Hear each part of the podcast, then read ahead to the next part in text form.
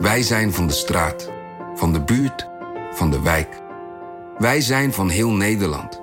Samen zorgen we voor vrolijkheid, verbinding, feest. Samen brengen we in één jaar tijd 349 miljoen euro bij elkaar. Miljoenen waarmee onze goede doelenpartners de wereld groener, gezonder en rechtvaardiger kunnen maken. Nationale Postcode Loterij. Samen voor een betere wereld. Artificial intelligence verlegt ondernemersgrenzen. Maar hoe werkt dat voor u? Als transformatiepartner helpt Capgemini u kansen te ontdekken en benutten, zodat we uw ideeën tot leven brengen. Vorm uw eigen mogelijkheden met generative AI. Ontdek meer op capgemini.nl/slash AI. Capgemini. Get the future you want.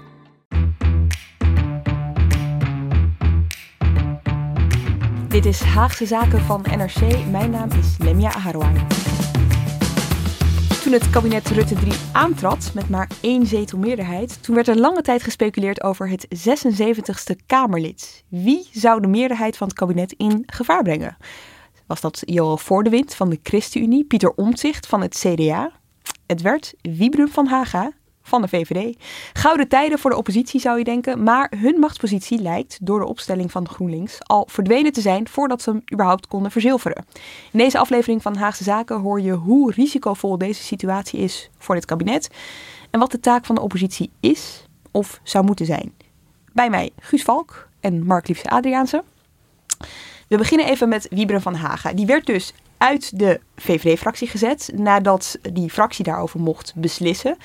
En uh, die partijgenoten die gingen allemaal zonder hem in beraad nadat Van Haga een afspraak had geschonden over bemoeienis met zijn eigen bedrijven. Dat was in ieder geval de druppel. VVD-Kamerlid Wieberen van Haga is weer in opspraak. 80 huizen in Amsterdam die hij daar verhuurt. En daarbij zou niet alles volgens de regels zijn verlopen. Blijkt dat het vastgoedbedrijf van Van Haga dit voorjaar zonder vergunning werkzaamheden heeft laten uitvoeren. Nadat hij in Amsterdam verschillende huurregels had overtreden. Uh, van Haga met te veel drank op achter het stuur heeft gezeten. Volgens het parool bemoeit hij zich nog altijd actief met zijn vastgoedbedrijven... terwijl hij een paar maanden geleden nog plechtig moest beloven dat hij daarmee zou stoppen. Als je dit zo hoort, denk je, hij heeft nog best lang volgehouden. Um, hij is er uiteindelijk dus uitgezet twee weken geleden. Hij wilde zelf niet weg. Um, is twee weken lang in conclaaf gegaan over wat hij met zijn zetel wilde gaan doen. En toen kwam daar het verlossende antwoord. Meneer Van Haga, u heeft er anderhalve week over nagedacht. Wat is het geworden? Nou, het was een duivels dilemma. En ik, uh, ik moet zeggen, ik heb er grote moeite mee. Maar uiteindelijk heb ik besloten om mijn zetel te behouden. Ik wil nog even zeggen dat zijn vastgoedbedrijf, wil ik niet onvermeld la laten, Shopper de Pop heet. En zo kon het dus dat de man die nog geen 2200 stemmen kreeg tijdens de Tweede Kamerverkiezingen van 2017, en let op, voor een voorkeurzetel waren er ruim 17.500 nodig, toch een eigen partij heeft in de Tweede Kamer. Guus, wat betekent dit voor de coalitie? Heel uh, concreet betekent dit dat de coalitie, die al de meerderheid in de Eerste Kamer kwijt was. Sinds de, het einde van de afloop van de statenverkiezingen van afgelopen maart. Nu ook uh, de meerderheid in de Tweede Kamer kwijt is. Want de coalitie heeft nu nog 75 zetels. De oppositie, en daar tel ik Van Haga uh, dan vanaf nu bij, die heeft ook 75 zetels. Dus dat is een um, vrij unieke situatie. Dat we nu dus zitten met een coalitie die in beide kamers van uh, het parlement geen meerderheid heeft. Ja, en dus als er een wet doorheen gaat, dan en je staat even, met evenveel zetels, dan, dan gebeurt er niks mee. Dan... Precies, dan heb je in theorie heb je altijd, uh, je hebt sowieso altijd de oppositie nodig. En in theorie kan dat dus lastig worden. Ja, en nou zegt Van Haga zelf dat hij in principe uh, gewoon mee zal stemmen met alles wat in het regeerakkoord staat. Het wordt pas spannend, en daar doet hij zelf ook redelijk mysterieus over, op het moment dat er nieuwe voorstellen door de Kamer moeten. Wat verwacht jij van hem komende tijd? Uh, nou, dit is natuurlijk wel een man die, die uh, um, vrij veel al van zich heeft laten horen in de zin van een controversiële standpunt heeft ingenomen. Hij heeft op een gegeven moment iets bepleit voor geboortebeperking in Afrika, wat, wat enige reuring veroorzaakte. Um, hij is zich nu gepresenteerd als de man die wil gaan opkomen als ondernemers. Want hij heeft, hij heeft eigenlijk deze discussie op een hele rare manier geframed. Hè? Hij heeft, uh, het ging volgens hem helemaal niet over integriteitsregels. Het ging om de ruimte die je als ondernemer mag hebben om Tweede Kamerlid te zijn. Ehm, en hij constateert uit het feit dat hij uit de VVD is gezet, dat hij die ruimte niet heeft. Of dat bij de VVD uh, de ruimte om ondernemer en Kamerlid te zijn niet bestaat. Uh, nou, er zijn meer Kamerleden die ook tegelijkertijd ondernemer zijn. Maar er zijn wel vrij duidelijke regels over Um, of in ieder geval vaak binnen partijen en ook wel door de Tweede Kamer over het op afstand zetten van dit soort ondernemingen. Um, nou, hij heeft dat uh, uiteindelijk vorig jaar wel gedaan, hè, na, na, na, na, een heleboel gedoe. Maar hij bleek toch nog direct betrokken te zijn bij zijn huurders, uh, verhuurdersbedrijf. Dat heeft nu in de problemen gebracht. Hij zegt allemaal dat heeft, dat, dat betekent dat je geen ondernemer meer mag zijn. Dus hij zal zich denk ik gaan profileren op ondernemersthema's.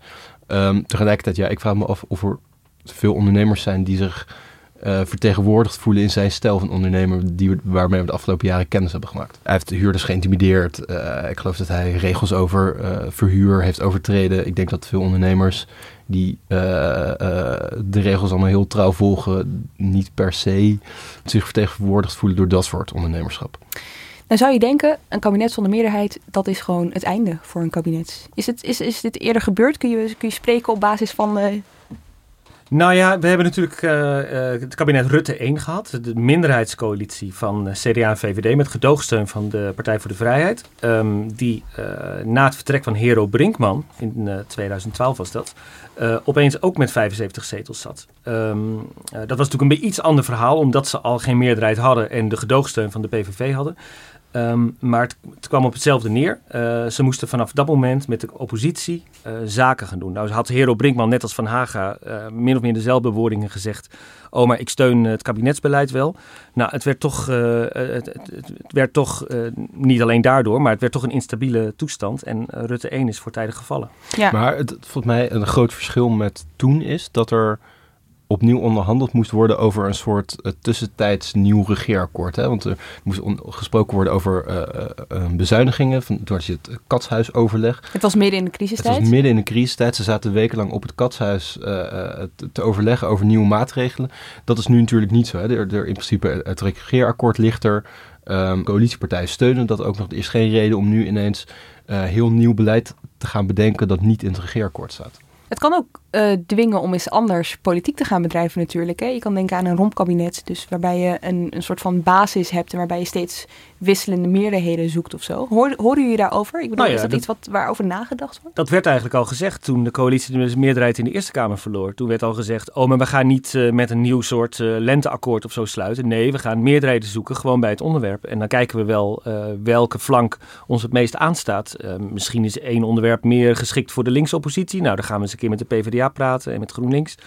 En misschien is iets meer. Bij het pensioenakkoord natuurlijk al gebeurd, hè? Ja. Uh, daar, daar is ja. heel duidelijk gezocht naar steun. Ook omdat de PvdA, zeker de PvdA, GroenLinks, iets mindere mate een bepaald deel van de vakbeweging uh, vertegenwoordigen of, of steunen. Maar ook om het pensioenakkoord door de Eerste Kamer te krijgen, was steun van die linkse partijen nodig. En daar is toen over gesproken. En bijvoorbeeld een eis van de PvdA om de AOW-leeftijd minder snel te laten stijgen, die is uiteindelijk ook daarin terechtgekomen. Dus daar zag je al wel, dat was een voorbeeld eigenlijk van de nieuwe realiteit. Maar toch, het risico zit vaak in een incident. Hè? Uh, stel nou, uh, er komt een rapport uit uh, bij, nou laten we eens een ministerie noemen waar dat wel vaker gebeurt, justitie en veiligheid. Hè? En ehm, iedereen is hartstikke boos en verontwaardigd. Er komt een bewindspersoon, debat gaat niet goed, er is een motie van wantrouwen. Dan speelt het opeens wel heel sterk dat je niet meer een meerderheid hebt als ja, maar dan speelt ook heel sterk dat de oppositie geen meerderheid heeft. Want um, stel in theorie is er een stemming, alle Kamerleden zijn aanwezig en het wordt 75-75. Uh, dan, dan staken de stemmen, zoals dat heet. En dan wordt zo'n motie verworpen.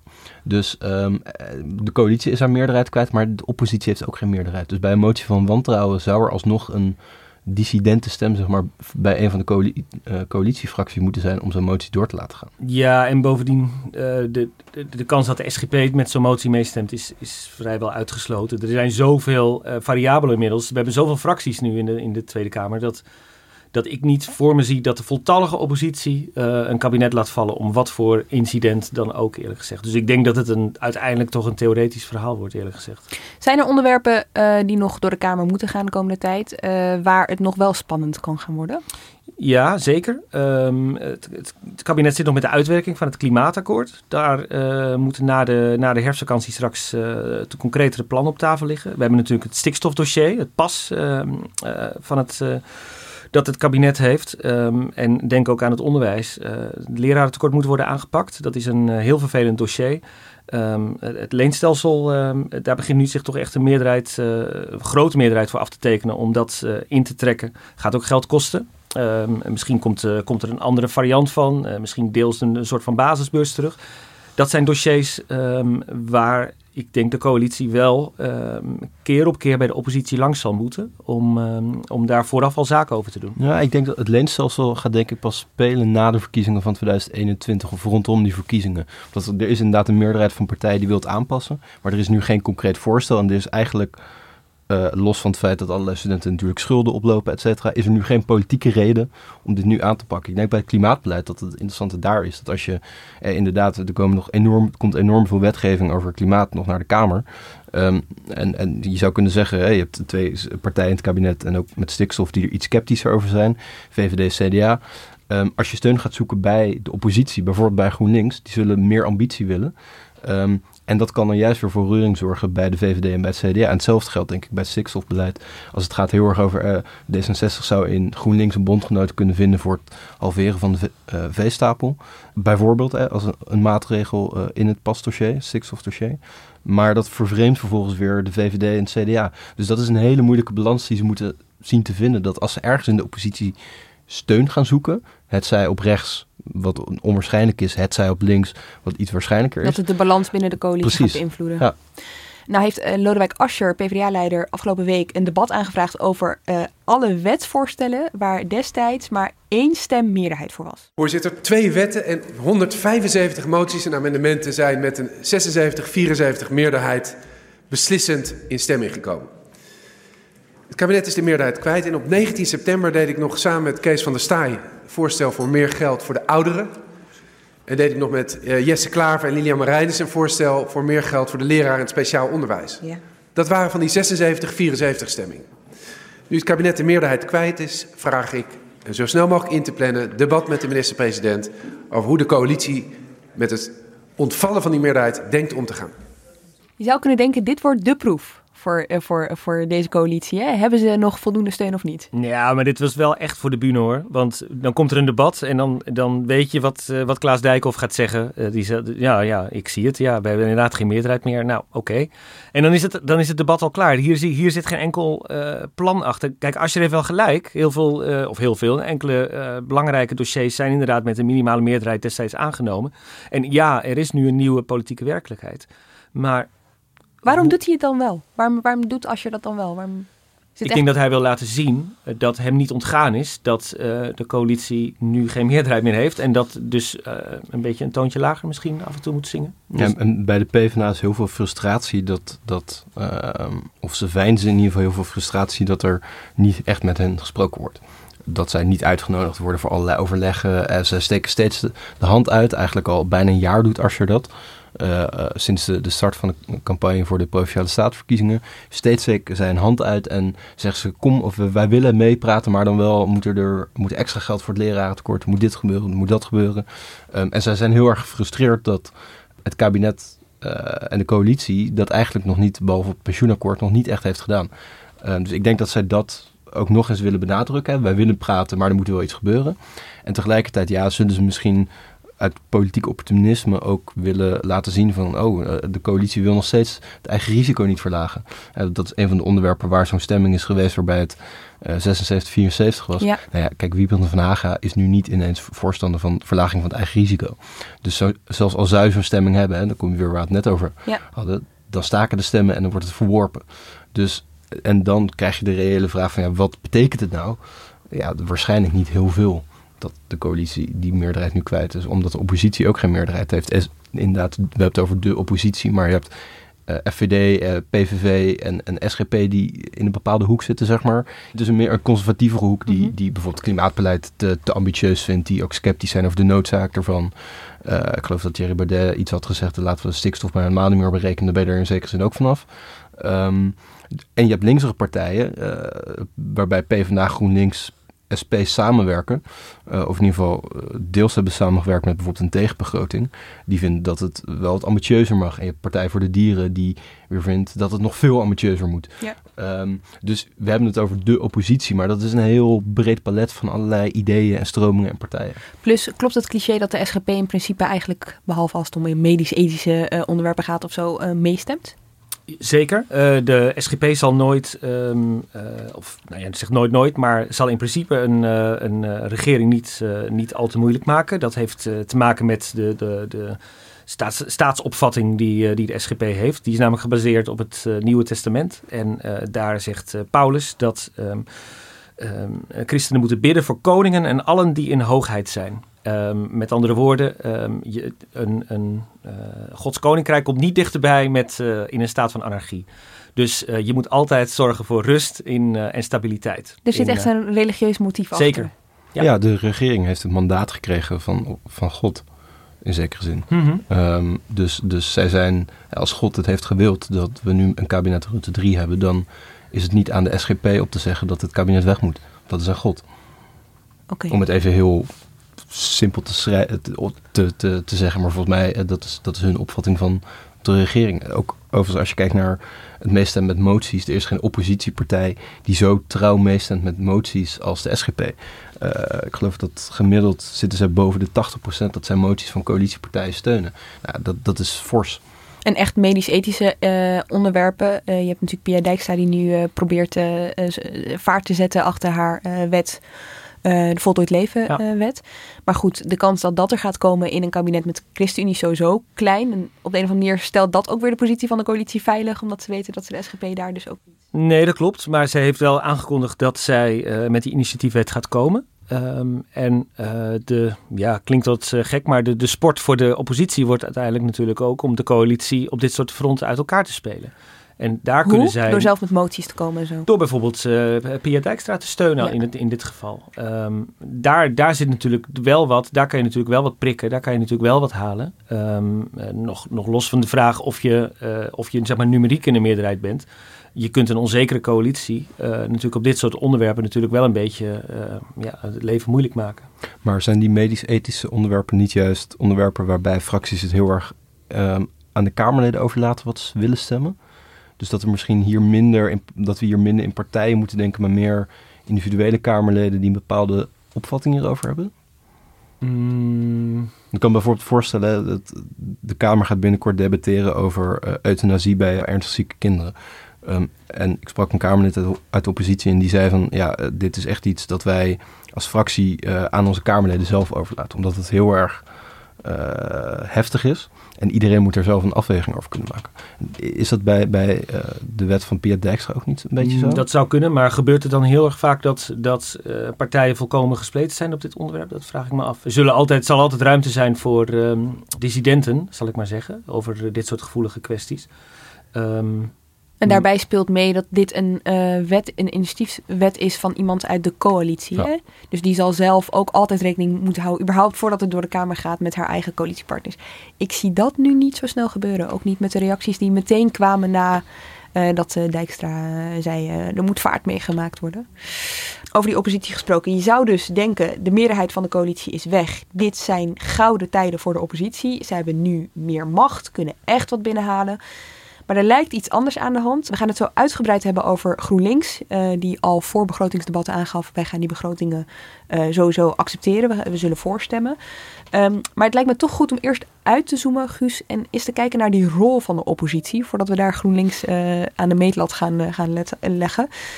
Wat is de rol van de oppositiepartij? Nou ja, dat is natuurlijk een hele interessante, want um, een democratie heeft oppositie nodig. Als er geen oppositie is, dan, dan, um, ja, dan is er uh, consensus en meestal opgelegde consensus, ofwel een dictatuur. Dus een democratie heeft nodig dat er oppositionele uh, geluiden zijn. Politicoloog Robert Dahl, dat is een Amerikaan, die heeft ooit gezegd dat oppositie een van de beste uitvindingen in een democratie is je hebt nodig dat er een argument en een tegenargument is. Zeker in uh, de Anglo-Saxische cultuur, waar het ook eigenlijk uh, vandaan komt, uh, heb je meestal twee partijenstelsels met een regering en dus een partij die niet regeert. Um, het idee daar is dat die oppositie niet moeilijk doet of zo, of niet klaagt of niet zeurt, maar dat zij door tegen te zijn, tegen wat een regering wil, ehm, een ander geluid laten horen. En ook laten zien dat er meerdere argumenten mogelijk zijn in een, in een debat of in een discussie. Ehm, in het Verenigd Koninkrijk heet dat Her Majesty's Loyal Opposition. Ze hebben een rol daar. Ze spelen daar een ze hebben een functie. Het, het, is heel raar voor ons, omdat wij uit een, een, een coalitiestelsel komen, meerderheidsdemocratie, of hoe je het maar wil noemen, met allerlei partijen en allerlei fracties. En iedereen schuift wel eens aan een regering en dan weer niet. En, dus bij ons is dat diffuser. Um, maar ook voor ons geldt natuurlijk dat, um, dat, dat consensus uiteindelijk natuurlijk ook dodelijk is. Dus uh, ja, je hebt nodig dat er ook andere, uh, andere geluiden gehoord worden. Ook in de Nederlandse democratie. En dat is dus de functie van een oppositiepartij. Dat je laat weten, eigenlijk aan de buitenwereld, niet iedereen is het met elkaar eens in Den Haag, om maar even heel Ja, dat, dat is de functie in het stelsel, zeg maar. En je kan ook zeggen, een uh, oppositiepartij vertegenwoordigt een groep mensen. Uh, de PVV heeft een, uh, heeft een achterban. De SGP heeft een achterban. Die, ehm, die, die vinden dingen, die hebben belangen. die belangen worden, omdat wij een lage kiesdrempel hebben, worden ook snel gehoord in het, ehm, in het Nederlandse stelsel. Dus uh, ja, soms is dat een beetje uh, vermoeiend of geforceerd. En dan hoor je al die fracties, weet je wel, uh, hun, hun zegje doen. Maar dat is uiteindelijk wel een heel belangrijke rol die we spelen. Ik moet er wel bij aanmerken dat Nederland ook een echte consensusdemocratie is. Waarbij heel weinig um, op de spits wordt gedreven, zal ik maar zeggen. De oppositie denkt al heel erg constructief mee met, met de coalitie. Hebben hier zelfs akkoorden gehad tussen oppositie en coalitie. Dus die, die samenwerking kan ook heel ver gaan. Nou, het pensioenakkoord is ook een hele goede inderdaad. Hè, waarbij de oppositie eigenlijk al meteen in het proces wordt meegenomen. Ja, dat is zo in Nederlands consensusland. Maar je hebt ook altijd, in, en, en ik denk dat juist, we klagen soms, hè, Nederlands wordt onbestuurbaar, te veel partijen, et cetera. Nou, dat valt allemaal best mee. Ook omdat de consequentie van zo'n veel partijenstelsel is dat heel veel mensen zich vertegenwoordigd voelen. Hè, um, het is in Nederland relatief makkelijk om als politieke partij in de Tweede Kamer te komen. We hebben seniorenpartijen, eh, we hebben de Partij voor de Dieren.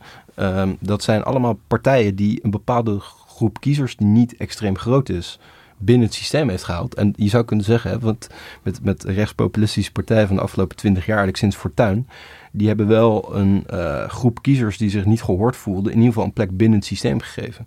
Na de jaren negentig, waar, waarin inderdaad ook een, een enorme consensuscultuur was, en uh, stemmen van burgers die dat minder deelden, ook minder, uh, zich minder vertegenwoordigd voelden. Nou, dat is met, met de LPF en partijen daarna is dat wel sterker geworden. En dat haalt bepaalde krachten ook uit de samenleving in het parlement. En, um, dus wat je eigenlijk zegt is op het moment dat die tegenstem niet gehoord wordt door het publiek, of die samenwerking wordt iets te nauw, dan drijft dat sommige groepen mensen juist naar ja, protestpartijen, tegenpartijen. Nou ja, kijk, als, als PvdA en VVD samen in een coalitie zitten.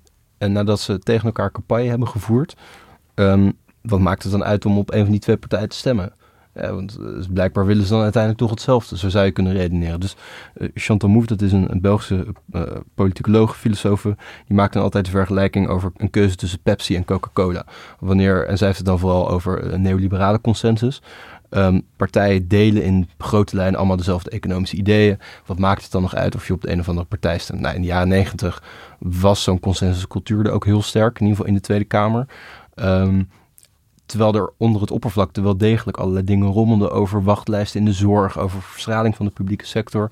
En Fortuyn heeft dat toen gekanaliseerd en een plek gegeven binnen het systeem. Nou vervolgens zag je dat de SP, die in 2006, die kiezers ook heel sterk bond. Um, dus dat is de kracht ook van het Nederlands systeem. Je kan het onbestuurbaar noemen of moeilijk bestuurbaar. Maar ja, het, het houdt Nederland ook bestuurbaar omdat het heel veel groepen wel binnenhaalt. Het rare is uh, hierbij dat he, aan de ene kant is um, zeg maar de, de, de, de, de neiging van oppositiepartijen om zich ook een beetje te, te aan te passen aan, um, uh, aan, aan, aan wat de coalitie wil. Dat, uh, ja, dat, dat zorgt voor een fletser gezicht, zal ik maar zeggen. Tegelijkertijd vinden burgers het uitstekend dat oppositie en coalitie samenwerken. ik had het erover met Tom Lauwersen, een politicoloog die onderzoek heeft gedaan naar, dat is nog niet gepubliceerd, maar over wat kiezers nou vinden van samenwerking tussen coalitie en oppositie. En als je ze vraagt, moet de oppositie loyaal meewerken met bijvoorbeeld wetsvoorstellen? Dan is ruim 90% van de burgers het daarmee eens. Zo. Zelfs uh, PVV'ers en FVD'ers zijn het daar in theorie mee eens. Um, dat is echt heel veel. Ja, mensen houden ook van. Um, van uh, mensen houden ook weer van consensus. Mensen houden daarvan. Ik moet denken aan een stuk dat wij voor de zomer hebben gemaakt, Guus, over SCP-onderzoek. Dat ging over polarisatie. En um, dat heel veel kiezers zich juist enorm ergerden aan dat het politieke debat veel gepolariseerder was dan zij daadwerkelijk uh, menen. En po politici die menen dan, hey, we moeten polarisatie in de samenleving, dat moeten we een plek geven.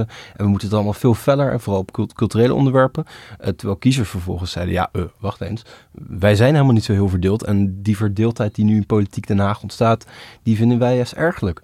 Um, maar dat is een duivels dilemma. Want als je dus als politieke partij dus uh, het eens bent met alle andere partijen. Kijk, en zeker als je oppositiepartij bent. Um, dan, ja, waarom, zou een partij, waarom zou een kiezer dan nog op jouw partij stemmen? Dus dat is ook heel erg lastig. Je hebt ook nodig dat je een zekere zichtbaarheid hebt. En dat mensen snappen uh, dat waar jij voor staat iets anders is dan waar die andere partijen voor staan. Dus, um, dus, dus in die zin heb je met twee totaal verschillende belangen te maken. Nee, maar eigenlijk beschrijft nu toch GroenLinks, Guus? Dit is precies hun, uh, hun, uh, hun idee inderdaad.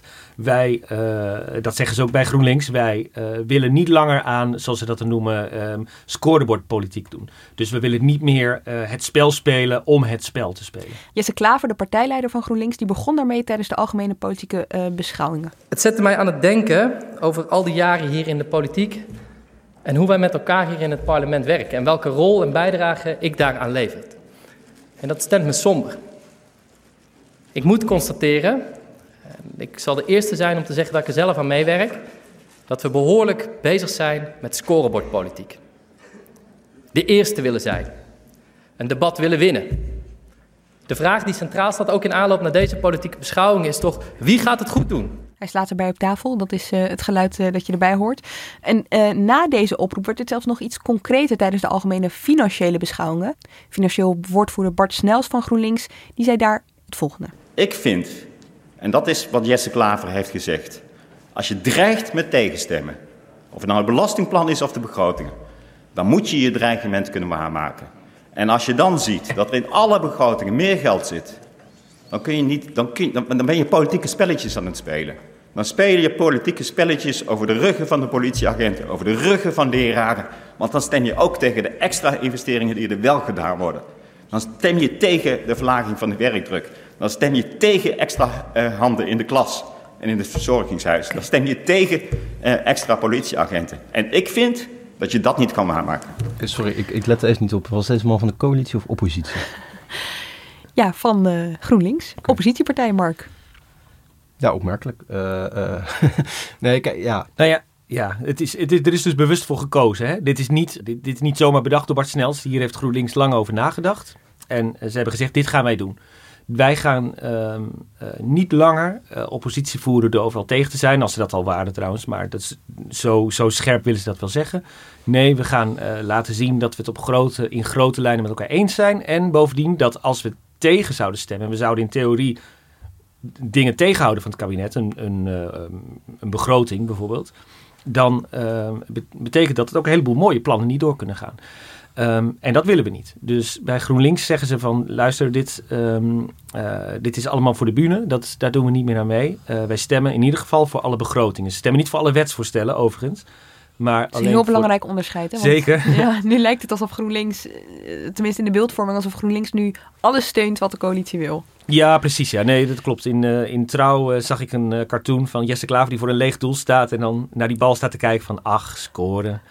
Uh, zo is het natuurlijk ook niet helemaal. Uh, maar het punt is natuurlijk wel, is wel heel serieus dat zij uh, willen laten zien dat ze niet meer oppositie voeren zoals ze dat gewend waren te doen.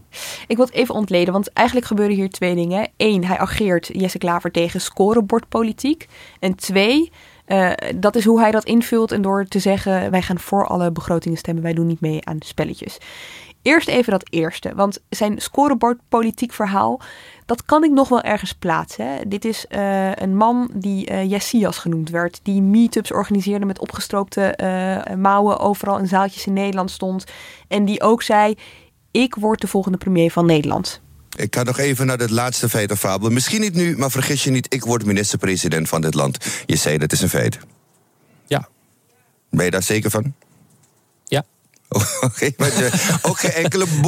Gewoon direct, ja, dat woordje gewoon. Hoe krijg je dat voor elkaar, Jesse?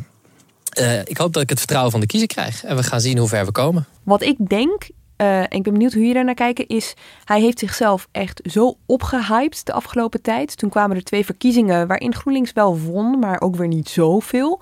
En dat hij nu bij zichzelf denkt, ik moet een beetje aan verwachtingsmanagement gaan doen. Ik moet uh, mezelf op een iets lager pitje gaan zetten. En dan, als het lukt, nou ja, dan, uh, dan is dat heel mooi. En als het me niet lukt, dan ja, heb ik ook niet zo, zoveel verloren omdat ik mezelf zo op een podium heb gezet. Ja, dat is mogelijk dat dat meespeelt. Um, uh, die, die laatste twee verkiezingen liepen inderdaad minder goed dan ze vooraf hadden gehoopt. En uh, dat, dat, dat speelt psychologisch zeker ook mee, denk ik. Ik denk dat hij dat er wel achter zit dat hij gokt dat een heleboel kiezers, uh, de mensen in het land, naar de televisie kijken en denken: ach, die politici, wat een gekrakeel de hele tijd. Uh, kunnen we niet uh, gewoon slimme oplossingen bedenken? Ik denk dat hij ook gokt op dat verhaal en dat dat verhaal nu is wat hij wil uitdragen. Het onderzoek van Tom Lauwersen. Zeker, Eigenlijk. daarin zeker. En um, dat is natuurlijk niet zo heel gek bedacht op zich. Er zijn natuurlijk GroenLinksers ook boos over. Want die zeggen, ja, waar is dan ons eigen verhaal? En waar zijn onze idealen?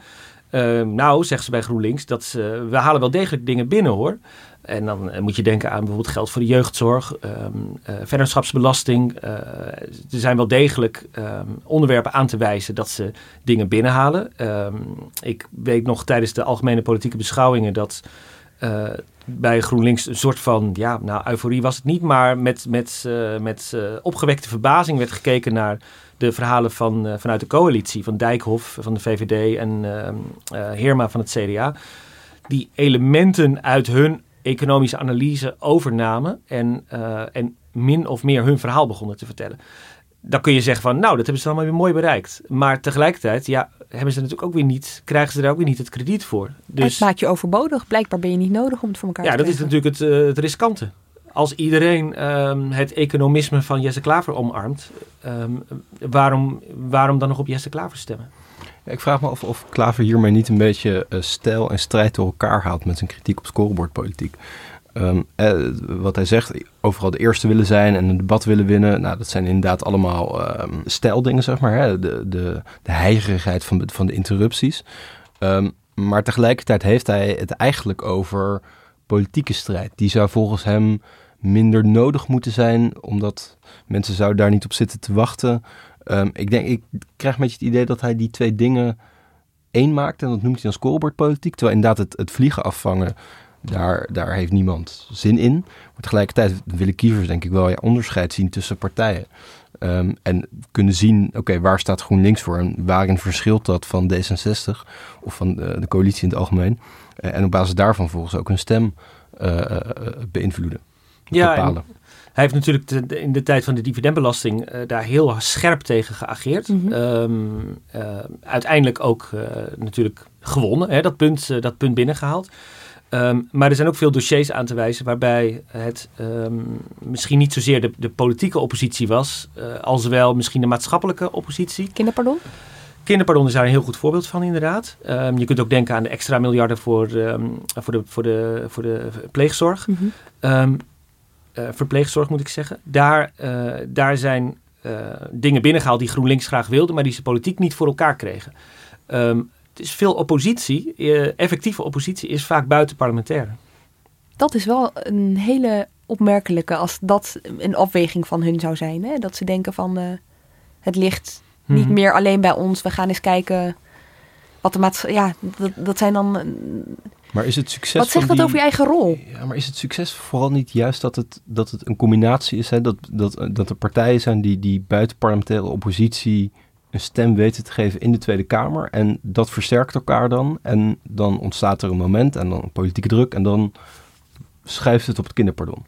Heeft het daar ook niet? Dat het die combinatie van, van protest buiten de Kamer en druk van buiten de Kamer... en partijen die zich serieus nemen en hun macht aanwenden om, hun numerieke macht soms ook aanwenden om iets gedaan te krijgen? Uh, dat kan. Uh, maar ik moet wel denken aan, aan, die. Ik weet niet hoeveel debatten er over die dividendbelasting zijn geweest. Die natuurlijk ook eigenlijk nergens naartoe gingen. Um, het, het, is uiteindelijk ook gewoon maatschappelijke onvrede. Um, die leidt tot. en een, en, en, een berucht sms'je. die leidde tot dat, dat er iets gebeurde op dit dossier. Denk ik. En dan wat andere punten. Uh, het voortvloeisel hiervan zou je kunnen zeggen. Dus de, uh, de keuze van GroenLinks om eigenlijk al vooraf te zeggen: wij gaan meestemmen met alle begrotingen. Ik ben hier echt al dagenlang over aan het nadenken en het lukt me niet om het te snappen. Ik heb er met heel veel mensen over gesproken en niemand kan er de vinger op leggen. Waarom zou je dat vooraf doen? Nee, daar is echt uh, heel erg veel uh, uh, verbazing over. Kijk, ergens is het logisch. Um, wanneer wordt nou een begroting afgekeurd? Dat, nooit. Nooit. Dat gebeurt gewoon niet. Maar wat gaat daaraan vooraf? Daar moet je niet aan voorbij gaan. Weet je wel, voordat, je me, voordat oppositie meestemmen met begrotingen, wat gebeurt daaraan vooraf? zijn er gesprekken? Krijgen ze dingen binnen? ik bedoel, het is niet dat ze zomaar tekenen bij het kruisje, toch? Nee, maar de vraag is natuurlijk wordt er nou super zwaar over begroting onderhandeld in de wetenschap uh, bij de coalitie dat een begroting er toch wel komt. Uh, dat zal ook wel meevallen over het algemeen. Um, uh, en tegen een begroting stemmen is vaak, dat, daar heeft Jesse Klaver gelijk in, symboolpolitiek. Um, het, is, het is wel zo dat, dat er vaak tegen begrotingen wordt um, gestemd om een zo'n principieel punt te maken. En dat, dat is iets wat Jesse Klaver nu dus, ja, dat, dat wapen ontneemt hij zich eigenlijk. Maar er is in het verleden heel vaak tegen, tegen defensiebegrotingen gestemd. De SP is een uh, bekend uh, voorbeeld van, uh, van een partij die, die, die vaak in het verleden tegen begrotingen heeft gestemd. Vorig jaar ook nog zelfs. Met, met het idee dan blijft, eh, want als een begroting afgekeurd wordt, dan blijft alles bij hetzelfde. Nou, en de SP was voor bezuiniging op defensie. Dus als de, de defensiebegroting wordt afgekeurd, dan gaat er de facto vanwege inflatie en alles minder geld naar defensie. Dat is het idee. Nou, in de praktijk gebeurt het heel weinig dat partijen tegen begrotingen stemmen. Vorig jaar stemde de Partij voor de Dieren uh, overal tegen. Uh, is, die zeiden juist vooraf, wij stemmen overal tegen. Ja. Dus een beetje het omgekeerde van Klaver. Ja. Uh, maar bijvoorbeeld de PVV stemde ook voor de begroting van de infrastructuur en waterstaat. FVD ook. Nou, ik denk niet dat zij heel veel binnengehaald hebben tijdens het, het, de koelhandel voorafgaand aan zo'n begrotingswandeling. Um, dus ja, kijk, en de PvdA die maakt nu een heel groot punt van... Uh, we stemmen tegen de onderwijsbegroting als er geen extra geld komt voor, uh, voor, voor, tegen het lerarentekort. Nou ja, dat extra geld was er vorig jaar ook niet. Toen was het lerarentekort ook vrij nijpend. Hebben de PvdA ook gewoon voor. Het is natuurlijk wel een beetje bij GroenLinks um, een traditie, zou je kunnen zeggen, um, dat er constructief wordt meegedacht, zal ik maar zeggen. Uh, Paul Rozemuller in de tijd van Paars is daar een goed voorbeeld van. Die had het destijds over kwaliteitsoppositie. Um, en dat betekende dat je, uh, ja, dat je bijvoorbeeld ook met tegenbegrotingen kwam. Dat je liet zien dat je je huiswerk had gedaan. dat je inhoudelijk misschien scherp was in debatten, maar uiteindelijk loyaal meestemde en niet uh, om, uh, om niks tegen dingen ging stemmen. Dus dat je altijd constructief opstelde. Dat, dat echo daarvan klinkt nog wel heel erg door in het geluid ook nu van, van Jesse Klaver. Jolande Sap in de tijd van het Koendersakkoord is daar ook een voorbeeld van. Het was weinig effectief qua stemmen die het opleverde, geloof ik. De manier waarop dat eindigde was ook niet echt één om weer te willen herhalen. Nee, maar het zit wel een beetje in die partij. Ja, nee, daar heb je gelijk in. Dat, dat GroenLinks is, is altijd, ook onder Femke Halsema was, dat, was dat, die waren veel bestuurlijker dan, dan hun voorgangers waren. Maar dit is ook de partij die tijdens de formatie hele serieuze gesprekken voerde uh, tijdens die coalitieonderhandelingen, die echt serieus aan tafel zat en die uiteindelijk om principiële redenen uh, wegliep. Ik, ik snap niet helemaal hoe dat zich verhoudt tot nu uh, principeloos eigenlijk al vooraf zeggen, hè, wij steunen. Dat zie ik nog niet helemaal. Nee, dat is waar. Dat is een heel goed punt. Ik denk dat uh, dat, dat verhaal ook niet helemaal rond is. Maar ja, je kan een keer van, uh, totaal van, uh, van strategie wijzigen natuurlijk. Um, ik denk dat dat niet uiteindelijk doorzetten met, met de formatie destijds ze ook niet heel erg goed bevallen is uiteindelijk. Hebben ze intern ook veel debat over gehad. Ja, en tegelijkertijd is het ook weer niet zo dat die partij heel slecht voor staat. Hè? In de peilingwijzer, een, een gewogen gemiddelde van ik geloof vier peilingen, staan zij nog steeds op lichte winst naar 17 zetels ongeveer. Nou, dat is voor GroenLinks, zou dat de beste prestatie ooit zijn. Um, dus het is ook weer niet zo dat die partij in duigen is en moet, wild moet gaan zoeken naar nieuw elan of zo. Maar je wordt hier geen premier door. Nee, met, nou ja, je weet met 17... Ja, hoewel, tegenwoordig. ik heb nog één vraag over GroenLinks voordat we naar de PvdA gaan. En dat is, um, denken jullie dat Klaver dit ook had gedaan als uh, Van Haga uit de VVD was gezet en dus de coalitie een minderheid had voor de APB? Dus als Klaver al tijdens de APB had geweten, er staat een coalitie tegenover mij die geen meerderheid meer heeft, had hij dan ook op deze manier? Guus, jouw glazen bol, wat zegt hij? nou, dit is een soort omgekeerde glazen bol. Nou, jouw omgekeerde glazen bol. glazen bol. Nee, een omgekeerde glazen bol zegt dat, hij, uh, dat dat geen donder uitmaakt. Ja? Nou ja, het, het, het maakt nou niet uit. Het, ja, Van Haga is weg, maar de coalitie is nauwelijks daardoor aangetast. Dus nee, in, in, in die end maakt dat niet zoveel uit, denk ik, voor Klavers, uh, uh, voor Klavers afweging, denk ik. Mark? Uh, mijn retrospectieve glazen bol was echt hetzelfde als Guus. Oké, nou dan gaan we Dank door naar de PvdA.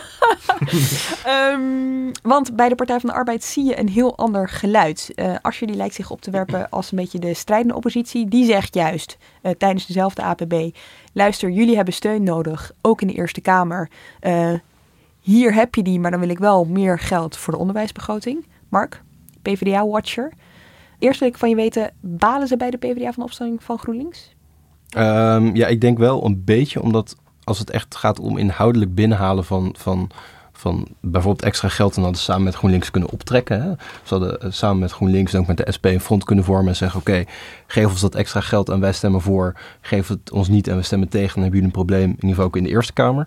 Um, minder wordt ervan gebaald, denk ik, omdat dit inderdaad als je de kans geeft om zich meer te presenteren als de uh, felle linkse oppositieleider die wel voorwaarden stelt voor. Uh, in tegenstelling tot Klaver dus.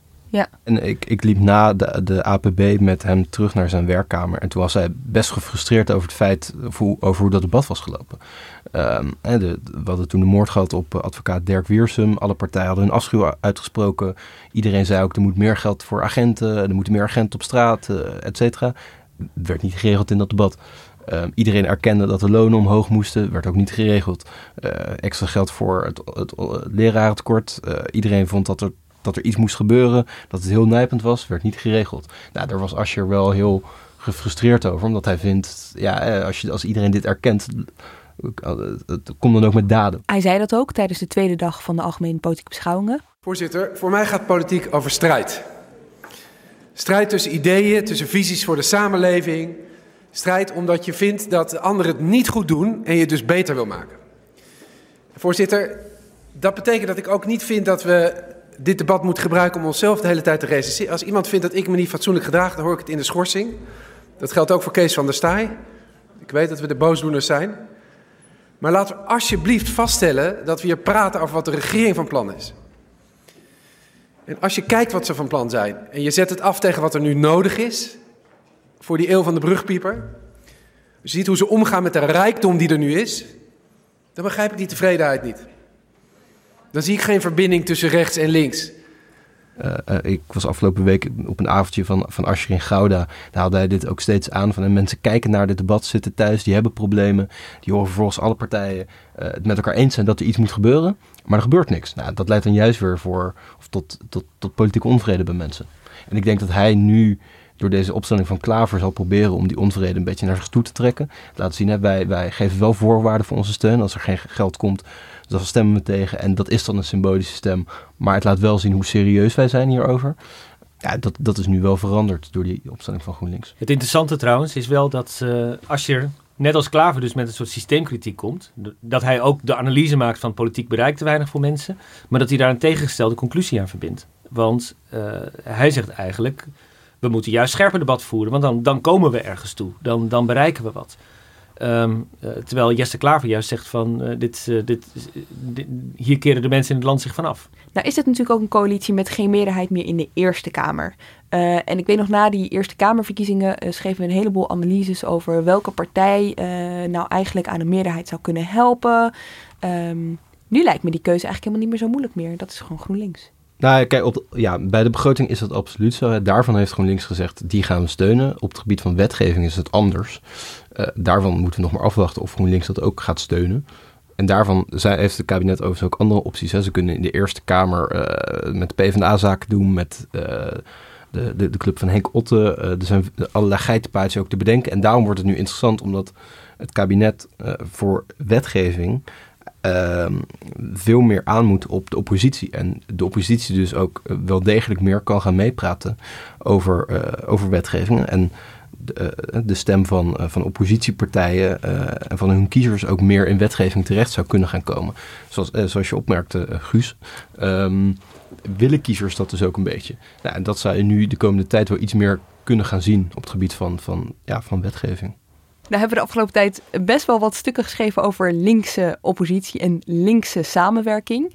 Bestaat dat nog? Ik bedoel, tijdens de APB of vlak eh, daarvoor hebben ze samen nog uh, de SP, de PvdA en GroenLinks een tegenbegroting ingediend. Dus je zou zeggen alive and kicking. Maar als ik dit allemaal hoor van jullie, denk ik, goh. Ja, maar dit is hoe het altijd gaat. Ik bedoel, echt altijd linkse samenwerking en al de linkse partijen zeggen dan, dan moet je over praten, dan moet je doen. Maar als het puntje bepaaldje komt, dan eens in de zoveel tijd kondigen ze het weer groot aan en dan lijkt het alsof het allemaal heel bijzonder is. Maar kijk, de facto werkt natuurlijk op onderwerpen wel degelijk samen. Maar het is, het is denk ik wel zo dat nu, eh, en dat zie je ook altijd gebeuren, dus altijd één kikker die uit de kruiwagen springt omdat hij toch iets anders wil omdat er toch uiteindelijk drie andere partijen zijn met andere achterbannen. Ja, en dat zie je nu met GroenLinks gebeuren. En dan valt het toch weer een beetje uit elkaar. Um, ja, linkse samenwerking is, is, altijd heel problematisch geweest volgens mij. En um, uh, blijft dat ook. Die tegenbegroting die ze tijdens de APB uh, ja. indiende, was natuurlijk, uh, had, had goede intenties waarschijnlijk. En om ook een soort eenheid te laten zien. Maar je zag al meteen tijdens het debat dat ze er volkomen anders in zaten. En die hele tegenbegroting is eigenlijk nauwelijks meer genoemd. Dus Um, uh, ze waren met z'n drieën constructief, zou je kunnen zeggen. Ze trokken met z'n drieën op. Um, maar al gauw bleek dat daar heel weinig, uh, toch wel heel erg weinig eenheid zit. Hoewel ze natuurlijk inhoudelijk um, in 9 van de 10 onderwerpen toch wel behoorlijk op één lijn zitten. Oké, dan komt nu de onvermijdelijke vraag, Guus. Uh, denk je dat het kabinet zijn termijn uitzit? Want ik heb je nu twee keer de kans gegeven om van gedachten te veranderen in deze weddenschap. Maar ik geef je nog één kans. Halen ze 2020? Dat is nog twee maanden, hè? Ja. Ja, dat moet wel lukken. Maar toch? Op, op welke weet, stemming weet, denk jij dat ze gaan vallen dan, weet ik veel, maar ze hebben nu ineens geen meerderheid meer. Het kan, het kan iets heel klein zijn. Het kan een incidentje zijn. Nee, de kans dat ze, dat ze 2020 halen, lijkt mij, uh, daar, daar durf ik wel een uh, weddenschapje voor af te sluiten. Oké, okay, dan. Uh, jij blijft ik, bij je antwoord dus eigenlijk. Jij, dan ben ik hier nu als neutrale scheidsrechter even. oh nee, dat dacht ik even niet, bij. want ik ga jou dezelfde vraag stellen. Waar gaan jullie op wedden? ik ga jou eerst dezelfde vraag stellen. Ja, ik denk, ik denk dat ze de kerst zou halen. Zo, gewaagde uitspraak. In tegenstelling tot Jaap Stam, maar dat is een andere discussie. Oké. Okay. Maar, maar waar, gaan jullie nou ergens op wedden? Of? Ja, dat vroeg ik me net ook al af. Ja. Waar wil je op wedden? Ik wil namelijk niet van mening veranderen, want mijn aanvankelijke mening was dat ze zouden vallen voor 2020. Dus ik denk, voor de discussie wil ik dat ook wel blijven denken. Een zak pepernoten? Uh, ik, stel, ik stel voor een zak uh, pepernoten met smaak naar keuze. Oké, okay, doen we okay, doen we. Dankjewel, Mark Liefse Adriaanse en Guus Valk. Dank ook voor het luisteren. Deze aflevering werd geproduceerd door Iris Verhulstonk. Volgende week, dan zijn we er weer. Ik zou zeggen, tot dan.